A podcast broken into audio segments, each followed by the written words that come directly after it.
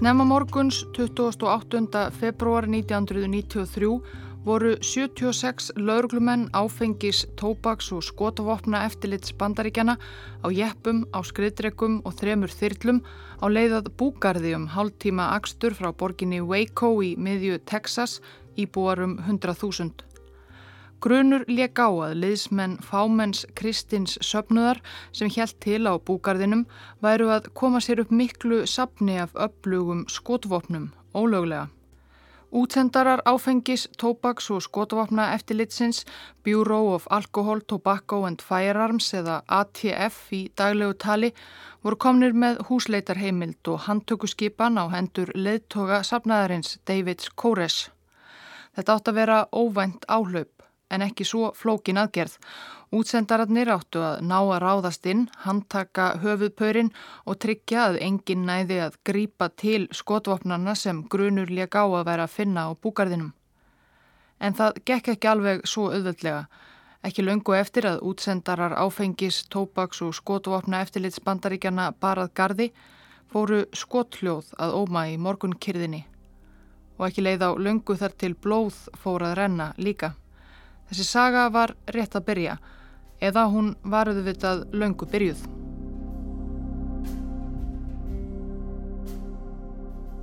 David Koresh átti erfiða æsku.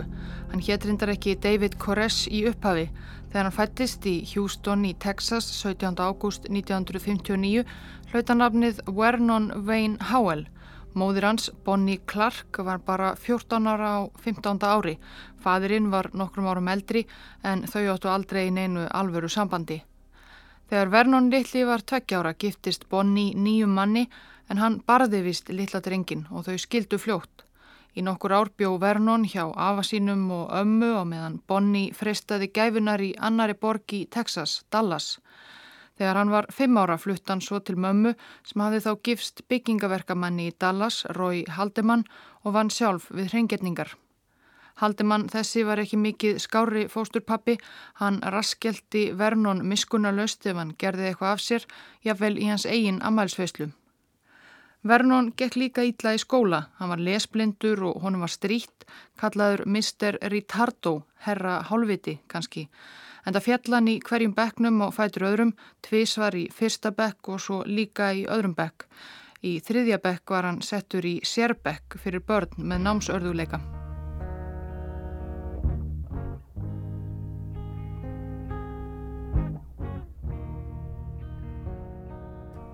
Vernon síðar David átti sér þó ástriðu, tónlist. Hann lærði að spila á gítar og unglingsárum stopnaði hann og leki fjölmörgum bílskursböndum sem flest spiliðu einhvers konar country tónlist. Þetta var Texas en fæst böndin heldust saman mjög lengi.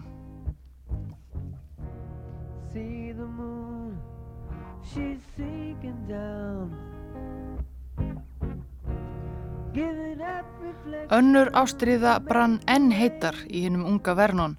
Það var trúin Móður hans var alveg upp í aðvendistakirkjunni en var aldrei sérlega trúheit. Móður amma Vernons sáum að fara með drengin í kirkju þar sem hann síndi ættíð mikla aðtegli, satt hugfangin á kirkjubeknum og livði sig inn í hverja aðtöfn. Tólf ára var hann búin að læra langa kabla í biblíunni utanað og pyrraði samnefnendur sína í gaggó með því að þylja upp bóð og bönn trúarinnar á gungunum. Hann flosnaði upp úr námi árið fyrir útskrift úr mentaskóla. Tvítugur var hann svo rekin úr aðvendista söpnuði móður sinnar fyrir að reyna við dóttur prestsins. Hann hafði vísað til biblíuversa til að reyna að telja klerk á að leifa honum að vera með dóttur sinni. Það fyll ekki í kramið. Vernon hjælt þá til Kaliforníu til að reyna fyrir sér sem gítarleikari og rockari.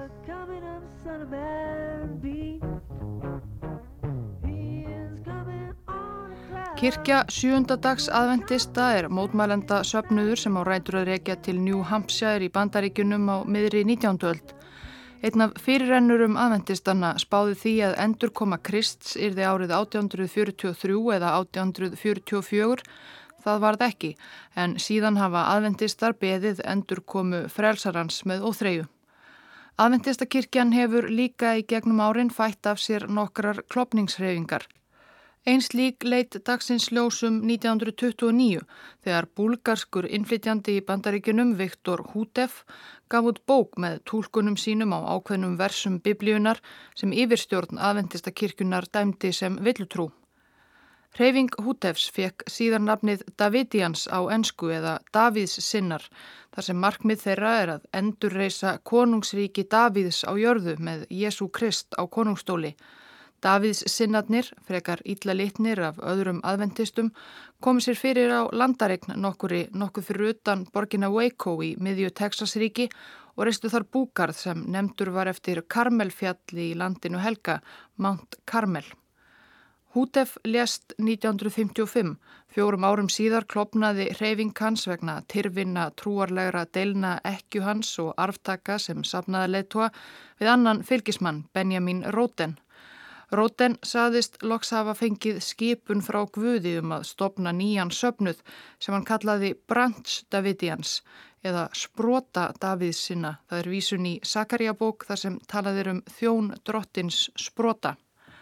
Sprota Davidsinnunum tókst að leggja undir sig búgarðin Mount Carmel og það sem eftir var af upprunarlegum Davidsinnum hins búlgarska hútefs leistist upp.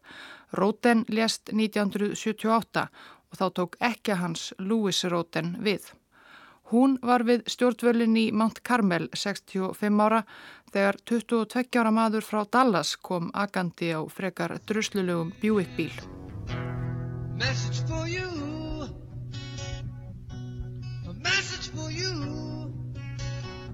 Kaliforníu æfintýri Vernons Howell hafði ekki gengið sérlega vel. Hann varð ekki frægur rockgítaristi en hann hugsaði sífelt meira um trúmál og drottin og nokkuð ráðveldur í lífinu hafði hann hirt af söpnuði rótækra aðvendista sem heldi til á búgarði í heimaríki hans Texas. Vernon ákvaða að tekka á þessu, steig upp í bjúikinn sinn og kerði til Veikó. Vernon Howell skar sig strax nokkuð úr flestum hinnum sprota Davíðsinnunum á Mount Carmel Hann mátti eiga það að hann var að minnstakosti rockstjörnulegur í útliti, hávaksinn og grannur, skeggjaður með sítt hrokkið hár, yfirlega klættur í snjáða stuttarmabóli, galaböksur og strygaskó. En hann var greinilega vel að sér í reytningunni, kunni enn heilu biblíubækurnar utanað og átti auðvelt með að hrífa fólk með sér þegar hann fór á flug í þeim fræðum. Hann stopnaði svo líka Davíð sinna band og fór stundum með félugunum niður til Waco, spilaði á börum og breytti út fagnaðarerindið um leið.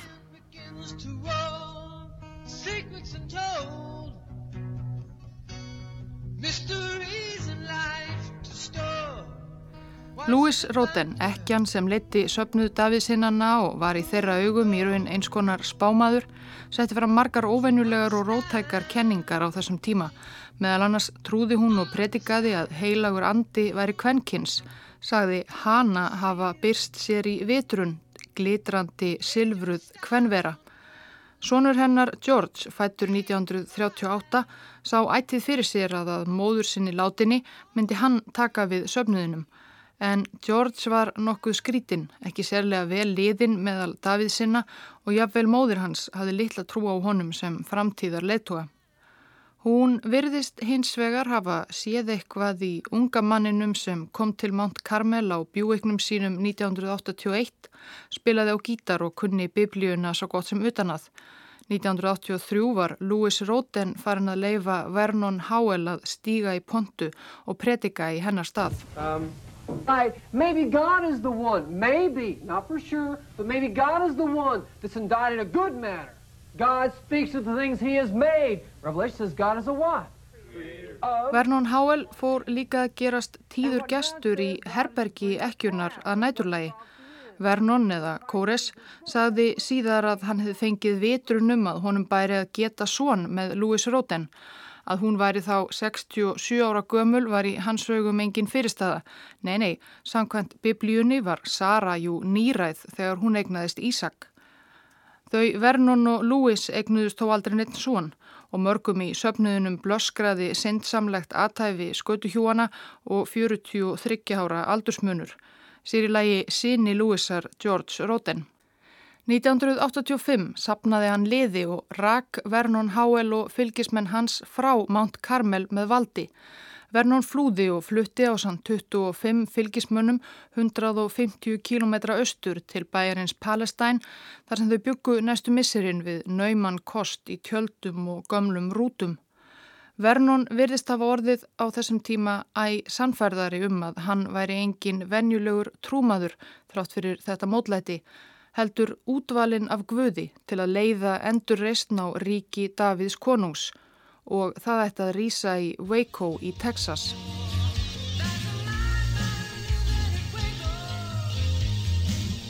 Louis Roden lést síðla árs 1986, 70 og George Sonur hennar tók þá alfarið við stjórn safnaðarins í Mount Carmel.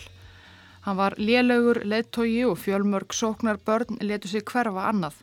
Ári síðar var hann svo gott sem einn eftir á búgarðinum en söpnuður Vernons í auðninni í Palestine, Texas blómstraði. Í november 1987 kom Vernon aftur til Mount Carmel í félagi við sjö fylgismenn sína. Þeir voru vopnaðir og það kom til skotbardaga. George Roden varð fyrir skoti og mittist.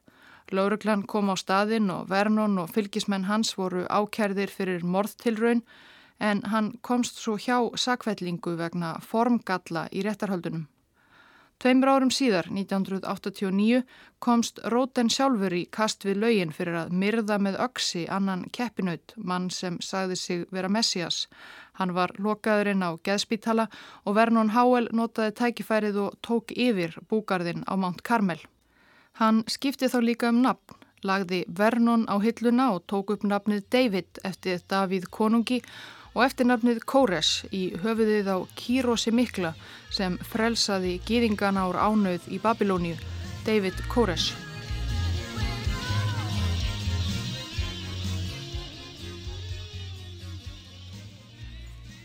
Dægin fyrir áhlaup laurglumanna áfengis, tóbaks og skotvopna eftirlits bandaríkjana 28. februar 1993 byrtist stór grein í staðarblæðinu Waco Tribune undir yfirskriftinni Sindugur Messias. Ef maður er sprotadafi sinni, býr Kristur á eigðilegri landaregn tíu mílur austur af Waco sem er kölluð Mount Carmel. Hann er með spjekkoppa, giftist eiginkonu sinni þegar hún var 14 ára. Fær sér bjór af og til, er ansi lungin og gítar, gengur með 9 mm glokk á sér og á heilt vopnabúr af herr hríðskotariflum og viðu kennir fúslega að hann sé syndur með eindæmum. Með greininni var stór mynd af David Kores áður Vernon Howell þá 33 ára leðtogi sprota Davíð sinna til 30 ára með þygt hrokkið hár og stór nýjunda áratugs glerugu. Blaðamenn Waco Tribune höfðu unnið í átta mánuði að greina flokki um þennan einangraða litla söpnuð sem helt til á búgarðinum fyrir utan borgina og meðal annars rætt við nokkra sem höfðu sagt skilið við söpnuðin. Kóres hafði tekist að reysa Davíðsinnana upp úr rústunum og söpnuðurinn hefur þarna talið líklega um 100 eða 120 manns sem öll byggu og lifðu einföldu formföstu lífi á búgarðinum Mount Carmel. Það voru ekki bara bandaríkjaman, Kóres hafði ferðast nokkuð og meðal annars aflaði sér fylgismanna frá Breitlandi sem eldu hann til Veikó. En þarna í áspyrjun 1993 þekktu fæstir almennir borgarbúar í Veikó nokkuð til Davíðsinnana þeir heldu sig til hljés. En nógu sjokkerandi var fyrsta grein Veikó Tribune Heimildamenn blaðsins sögðu að leiðtógin David Koresh sem var álitinn spámaður af safnaðarmönnum ef ekki bara Messias sjálfur hefði tekið sér um 15 eiginkonur og margar þeirra hefðu enn verið á barsaldri þegar Koresh tók þær til sín í kvennabúr sitt 11-12 ára gamlar. Hann sterði sig af því að eiga samræði við ungar stúlkur, sagði í blaðinu, og nýttist á börnum safnaðarfélaga, andlega og líkamlega Ung börn væru hýtt og eldri börnin neitt til að dúsa í dimmum kjallara búkarsins innan um rottur og pöttur og ógeð. Áfengis, tóbaks og skotvopna eftirlitið ATF hafiði vikurnar og undan áranguslaust reyndað fá rittstjórn Waco Tribune til að fresta byrtingu greinaflokksins. ATF var þá að skipuleggja áhlaup á Kóres og félaga í Mount Carmel vegna annara alvarlegra grunnsemda að söpnuðurinn væri að sapna á búgarði sínum í umfangsmikið vopnabúr meðal annars ólögulegum hríðskotavopnum og handsprengjum. Og hver vissi hvað söpnuðurinn ættaðist fyrir með þau? Umfram allt vildi ATF ekki að Davíð Sinnar fengju veður af því að yfirvöld hefðu þá í siktinu En bladamönnunum var ekki kvikað og greinin kom út þann 27. februar. Morgunin eftir var það svo annað sem gerði það verkum að koma ATF kom Davíð sinnum ekki á óvart.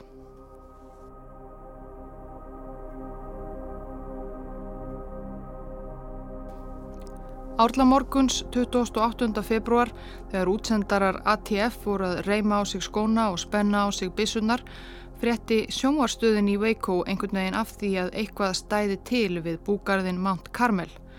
Fréttamennir hendust af stað í útsendingabílnum en þekktu ekki vel til búgarðsins og viltust á leiðinni í morgunþokunni. Í þvælingnum rákust þeir á postburðarbíl og spurðu til vegar. Ekkert mál, bref Beringat vísaði um veginn að búgarði Davidsina en svo vildi til að brefberinn var líka máur Davids Kores og hann gerði honum strax viðvart. Það var eitthvað í uppsiklingum. Það voru líka þyrllur sveimandi fyrir ofan, herir Babilóns.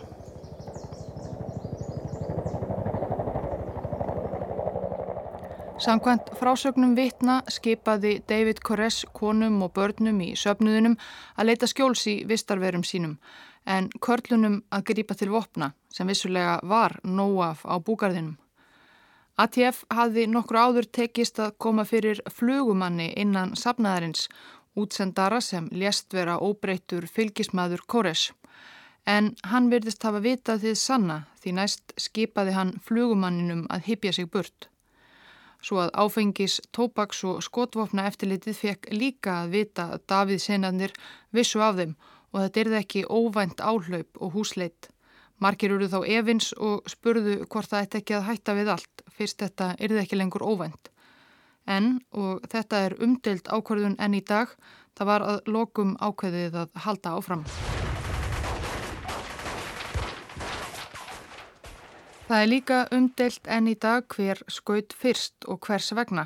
Hvort það var slísaskot frá einhverjum af 75 ATF mönnunum sem höfðu umkringt aðal bygginguna á Mount Carmel eða einhver Davíðsynni fyrir innan sem vísvitandi hleyfti af vopni sínu. Allavega var skotið og fleiri skot fylgdum. Hello? Yeah, this is Lieutenant Lynch. May I help you? Yeah, there's 75 men around our building and they're shooting at us in Mount Carmel. Mount Carmel? Yeah, tell them there are children and women in here and to call it off. All right, all right, uh... Skömmu síðar ringdi einhver Davíðsinn í neyðarlínuna og baði yfirvöldum að hætta að skjóta. Inni á Mount Carmel væru bæði konur og börn, en það varði ekkert láta á kúlnarhíðinni. Davíð sinnar skutu úr glukkunum á aðalbyggingu Mount Carmel sem var stóru og all undarleg, greinilega byggði í mörgum áfengum en það samanstóð hún af mörgum einingum, þremur álmum og nokkrum turnum. David Kores sjálfur særðist fljótt, fekk bissukúlu í úliðin en skotbardaginn helt áfram í rúmar tvær klukkustundir. Loks fyrir milligöngu lauruglustjórans í Waco var samið um vopnallíum hálf tólf. Ekki síst vegna þess að ATF menn höfðu ekki völ á öðru en að hörfa þeir voru að verða uppiskrópa með skotfæri. Þá lágu fjórir af þeirra mönnum í valnum og 16 voru særðir og líklega 5 davíðsinnar voru fallinir.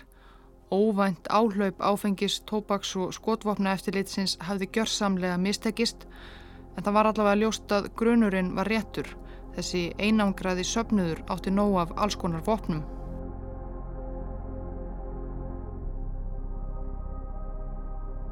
Þungvopnaður sértrúarsöpnuður var ekki alveg verkefni fyrir áfengis, tópaks og skotvopna eftirlitið.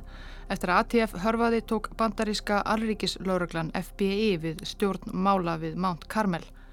Nánar tiltekið gíslatökuteimið Hostage Rescue Team, einn þaul þjálfaðasta sveit lauruglunar sem sérhæfir sig í alvarlegum flóknum aðgerðum eins og gíslatökum og umsáturum.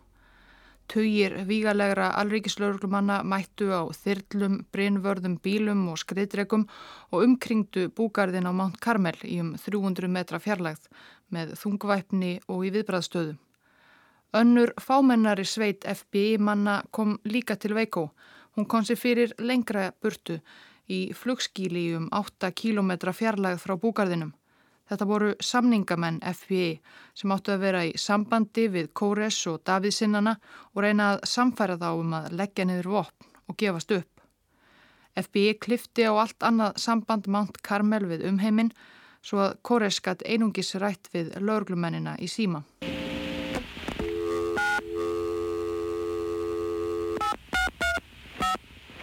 Þó svo að Kóres sjálfur hafi í raun einokað konurnar í söpnuðu sínum Eins og hafi komið fram í Grein Waco Tribune átti hann 15 eiginkonur og Karlkins safnaðarfélögum var gert að vera skýrlífir á meðan hann mátti gera það sem honum síndist með hvaða konu sem honum síndist. Þá byggu þó á búgarðinum fjölskyldur og um 40 börn. Það var fyrsta forgangsmál samningamannana að reyna að tryggja öryggi barnana. David, how could we resolve this? I mean, how could we save these children and women and... Give me the coverage. Okay, I'm going to get your scripture message to the radio station right away. Gegn því að senda nokkur börn út í senn krafðist Kores þess að stuttar predikanir hans erðu sendar út á útvarstöðinni í Waco. FBI varð við kröfunum og tók nýður orðavaðal hans um guðdóminn. You got to give me word for word what you wanted to say. Slow now, I got to write it. Okay. My God, who sits on the throne. My God, who sits Kóres stóð við orðsinn og fyrsta sólarring umsátur sinns fekk 21 barn að fara frá Mount Carmel. Þau fóru í umsjá FBI en fengu að vera í símasambandi við foreldra sína sem voru enn inni á búgardinu. Yeah? Okay. Remember what I said. God sits on the throne. Yeah. Þau 23 börn sem eftir voru á Mount Carmel voru flest, ef ekki öll, eigin börn Kóres sem hann hefði feðrað með ímsum konum. Að sögn fylgismanna hans var það markmið hans að börn hans yrðu á dómstegi öldungarnir 24 sem minnst er á að vexsami drottin í ofinberunabókinni.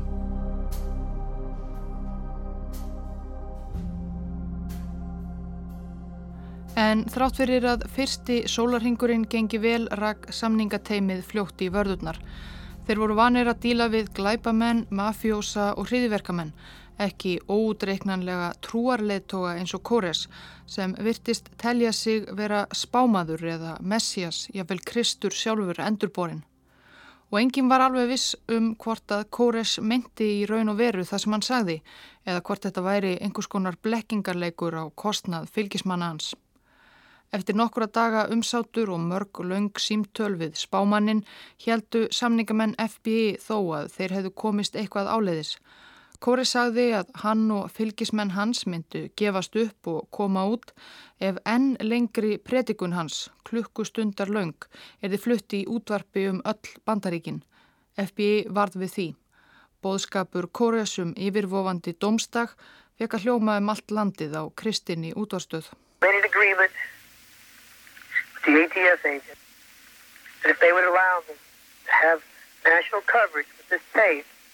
that I might give to the world a small minute, small minute bit. En þegar útsendingu lauk og samningamenn FBI reyndu að ná í Kóres í síma var hann hverki að finna. Að lokum tók einn af aðstóðarmönnum hans upp tólið og sagði að spámaðurinn hefði verið á bæn. Og svo að Guð Almáttugur hefði sagt honum að standa ekki við sinn hluta samningsins, að gefast ekki upp.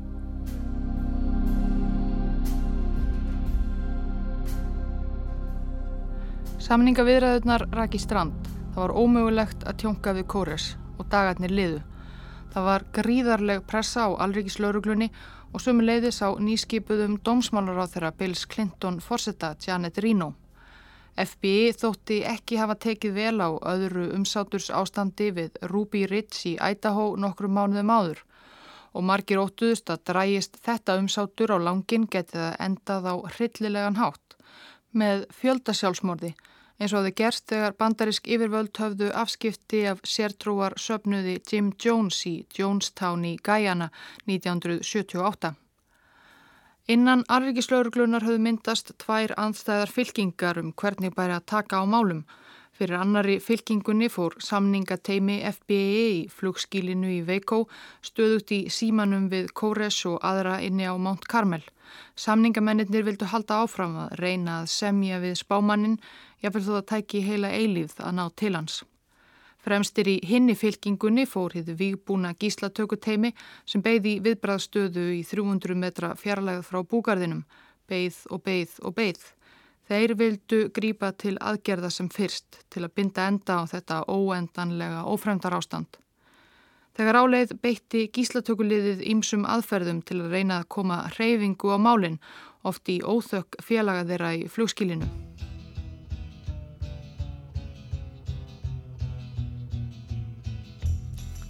Meðal annars settu þeir upp stóra hátalara fyrir utan aðal byggingu búkarsins Hátalarana átti að nota til að koma skilabóðum til sapnaðarins en alrikiðslaugumenn notuðu þá til að spila tónlist og háfa það að næturlægi til að reyna að trubla og draga þrek úr þeim innandira.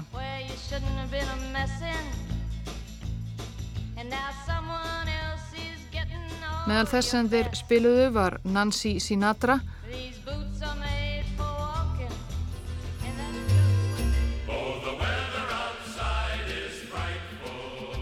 kórar að syngja jólalög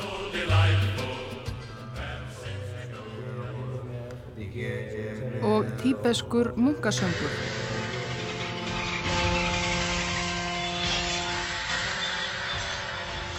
Og svo hafa FBI menn játað síðar að þeir hafi líka spilað enn óþægilegri hljóð eins og þóttugni og upptökur af dauðaskrækjum kanína sem verið var að slátra. Kóres svaraði í sömu mynd með því að setja líka upp hátalara og spila fyrir FBI menn upptökur af sinni eigin tónlist.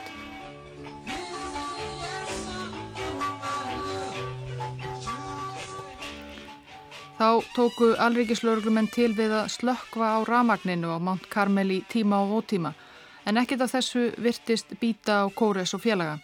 Hann átti áfram í stöðugum samræðum við samningamennina í síma en vildi helst ræða bibliutúlkanir sínar, já eða eigin æfi sem hann sagði samningamönnunum talsvert frá en þeir komust ekkert nær því að tala ná að leggja niður vopn.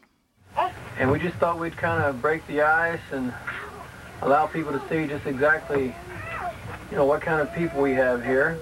Í byrjun mars á fyrstu dögum umsátursins sendu FBI-menn Kóres myndbands upptökuvél svo hann geti sannað staðhafingar sínar í símtölunum um að allir á Mount Carmel væru þar af fúsum og frjálsum vilja og við hesta hilsu og svo framviðis.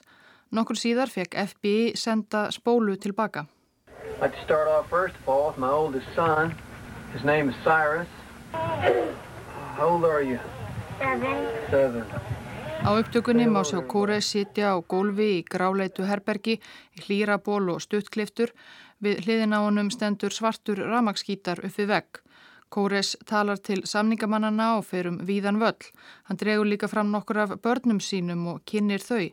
Sónin Cyrus, dótturina Star og svo framvegis. Bobby's our little clown here. Wave at the camera, Bobby. Wave at the camera. Wave, there you go. En það gerðist ekkert meira. Stöðugar símasamræður Kóres og samningamannana leistu ekkert. Nancy Sinatra og Kaninu Óp að næturlægi ekki heldur.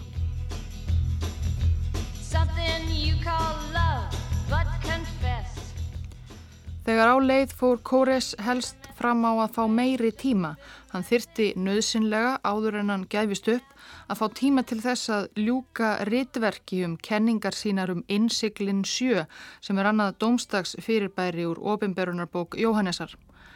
Kóres var jú eins og margir meintir aðventista spámenn sem á undan honum hafðu komið sannfærður um að domstagur væri rétt á næsta leiti og hafa með elds og brennisteins og domstagskabla ofinberunar bókarinnar á heilanum.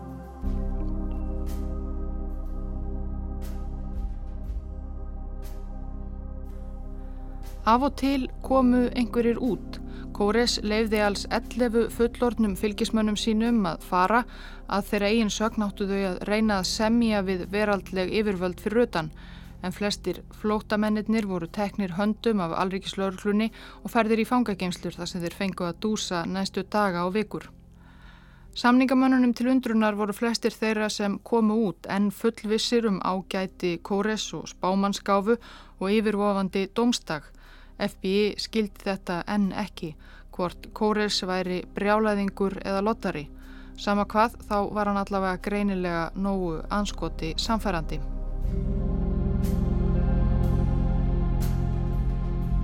Það voru ekki bara samningamennir sem gaggríndu herskáa taktík gíslatökuliðsins, Óhljóðinn og Nancy Sinatra og það. Þegar leið á umsátrið, dagar liðu og vikur og bandarískir fjölmiðlar fyldust vitaskuldavöllu með óþreyju höfðu allnokkrir fræðimenn samband við alrikislaurugluna, sérfræðingar í sértrúar söpnuðum og kristinni heimsendatrú.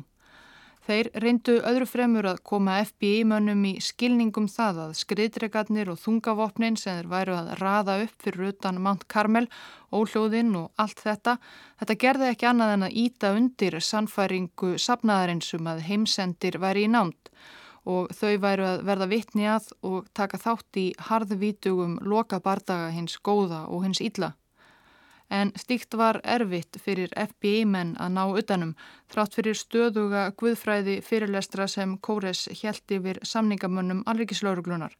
Alls eru upptökurnar af samningasímtölum Kóres og FBI einar 60 klukkustundir. You, you people just are so arrogant, so proud and so foolish. Why don't you learn the everlasting gospel? En allar þessar klukkustundir skiluðu litlu. Ef eitthvað varð Kóres bara erfiðari og ódreiknalegri. Hann fór að tala enn meira um skipanir frá Guði að sitja sem fastast á búgarðinum og um sjálfan sig sem, ef ekki svon Guðs, þá var minnstakosti arftakans. Áhyggjurnar af velferð barnana og annara fylgismanna inni á Mount Carmel búgarðinum urðu meiri og sumleiðis pressan á FBI og bandarískum yfirvöldum og ekkert bólaði á bóðuðu riti kóresum innsiklin sjö. Ratirnar innan alrikislaurglunar í bandaríska stjórnkerfinu og bara úti í þjóðfélaginu urðu háværari. Það yrði að fara að gera eitthvað. Ekki annað Ruby Ridge og ekki annað Jonestown.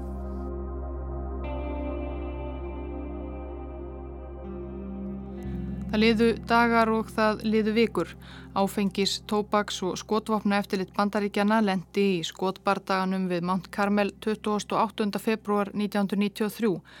Alrikislauruglan FBI tók við umsátrinu um búgarðin daginn eftir, 1. mars. Þegar komið var fram í april var þólinnmæðin hjá mörgum á þrótum.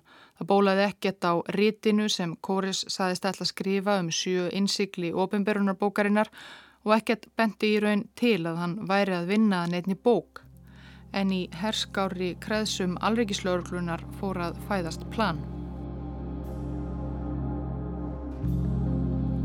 Plan sem á endanum var samþygt á æðstu stöðum af dómsmálaráþaranum Janet Rino.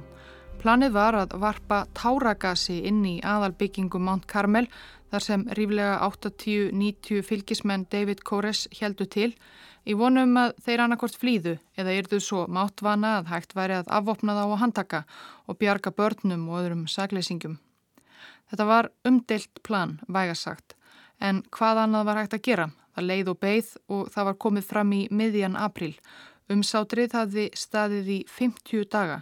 50 dagar af skriðdregum fyrir utan, 50 dagar af símtölum og predikunum, 50 dagar af These Boots are made for walking, en ekkert gekk. Það mátti ekki verða annað Jonestown. Janet Rino, dómsmálar á þeirra til um tveggja mánada, skrifaði loksis undir um miðjan april. Annað áhlaup á búgarðin kentan við Mount Carmel. Í þetta sinu með skriðdregum og táragassi strax morgunin eftir.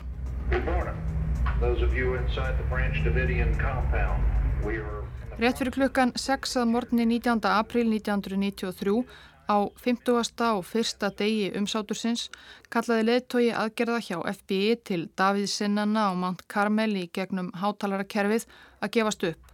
Það ætti að dæla táragassi inn í byggingu þeirra.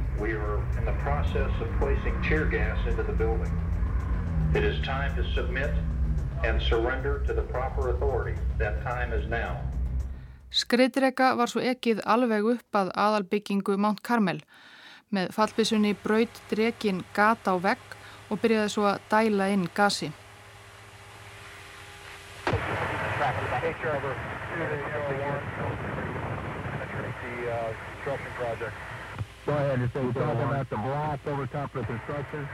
Í gegnum hátalarana lísti leðtói aðgerða því hvernig táragasið myndi gegn síra alla bygginguna og allt þar inni.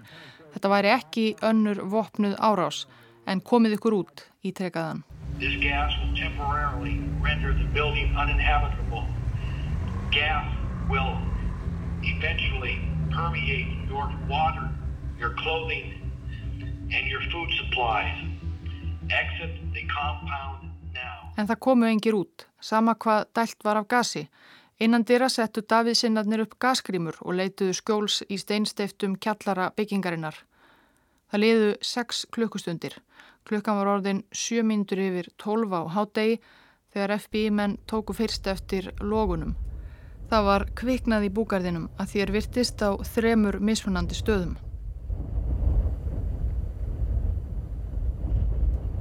Það var kvast þennan morgun. Í örugri fjarlægð fylgdust FBI mennir skjelvingulostnir með eldinum breyðast út um bygginguna á leiftur hraða. Nú hlitu þau að koma út. En það kom engin út.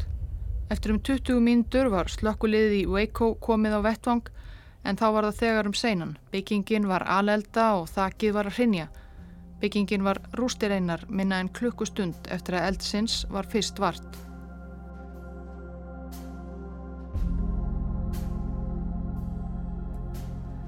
76 Davíðsinnar letu lífið í brunanum þar á meðal leðtógin David Koresh sjálfur og líklega 23 börn. Þegar líkansleifar í brunarústunum voru rannsakaðar kom svo í ljósaðum 20 Davíðsinnar höfðu verið skotnir til bana. Líklegast framið sjálfsmorð þegar eldhafið nálgæðist óðfluga eða einhverjir hafi ákveðið að hlýfa ástvinum sínum og börnum við þjáningar logana. Harkaleg framganga FBI í loka allögunni að Mount Carmel 19. apríl 1993 hefur sætt mikil í gaggrinni í gegnum árin. Það var alls ekki sjálfsagt að grýpa til þessara aðgerða að reyna að svæla Davíðsinnana út með svo ágengum hætti. Svo eru margar samsæriskenningar á kreiki sem flestar hverfast um að alríkislauruglan eða bandarísk stjórnvöld hafi af ásetningi kveikt í búgarðinum, myrt Davíðsinnana köldu blóði. En treystimaður frásögn yfirvalda var það þó öfugt. Það voru að líkindum Davíðsinnarnir sjálfur sem kveiktu vísvitandi í eigin heimkinum. Alvíkislauruglan hafi áður komið fyrir hlerunarbúnaði inni á búgarðinum og á upptökum úr honum á heyra sapnaðar menn ræða um bensín og eld og íkveikjur.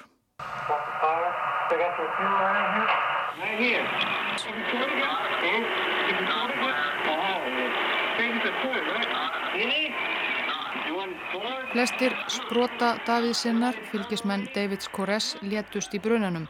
Um 30 komust lífsaf flest fólk sem hafi yfirgefið Mount Carmel fyrir loka áhlaup FBI og brunan.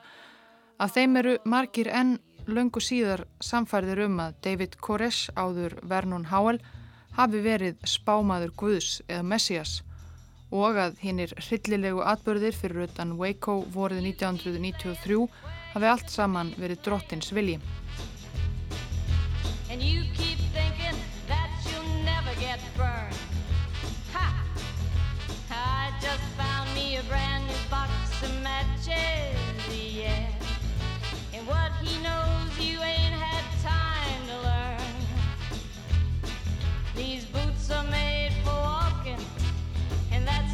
What they'll do.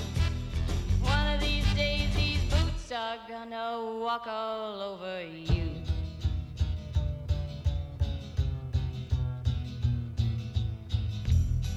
Are you ready, Boots? Start walking.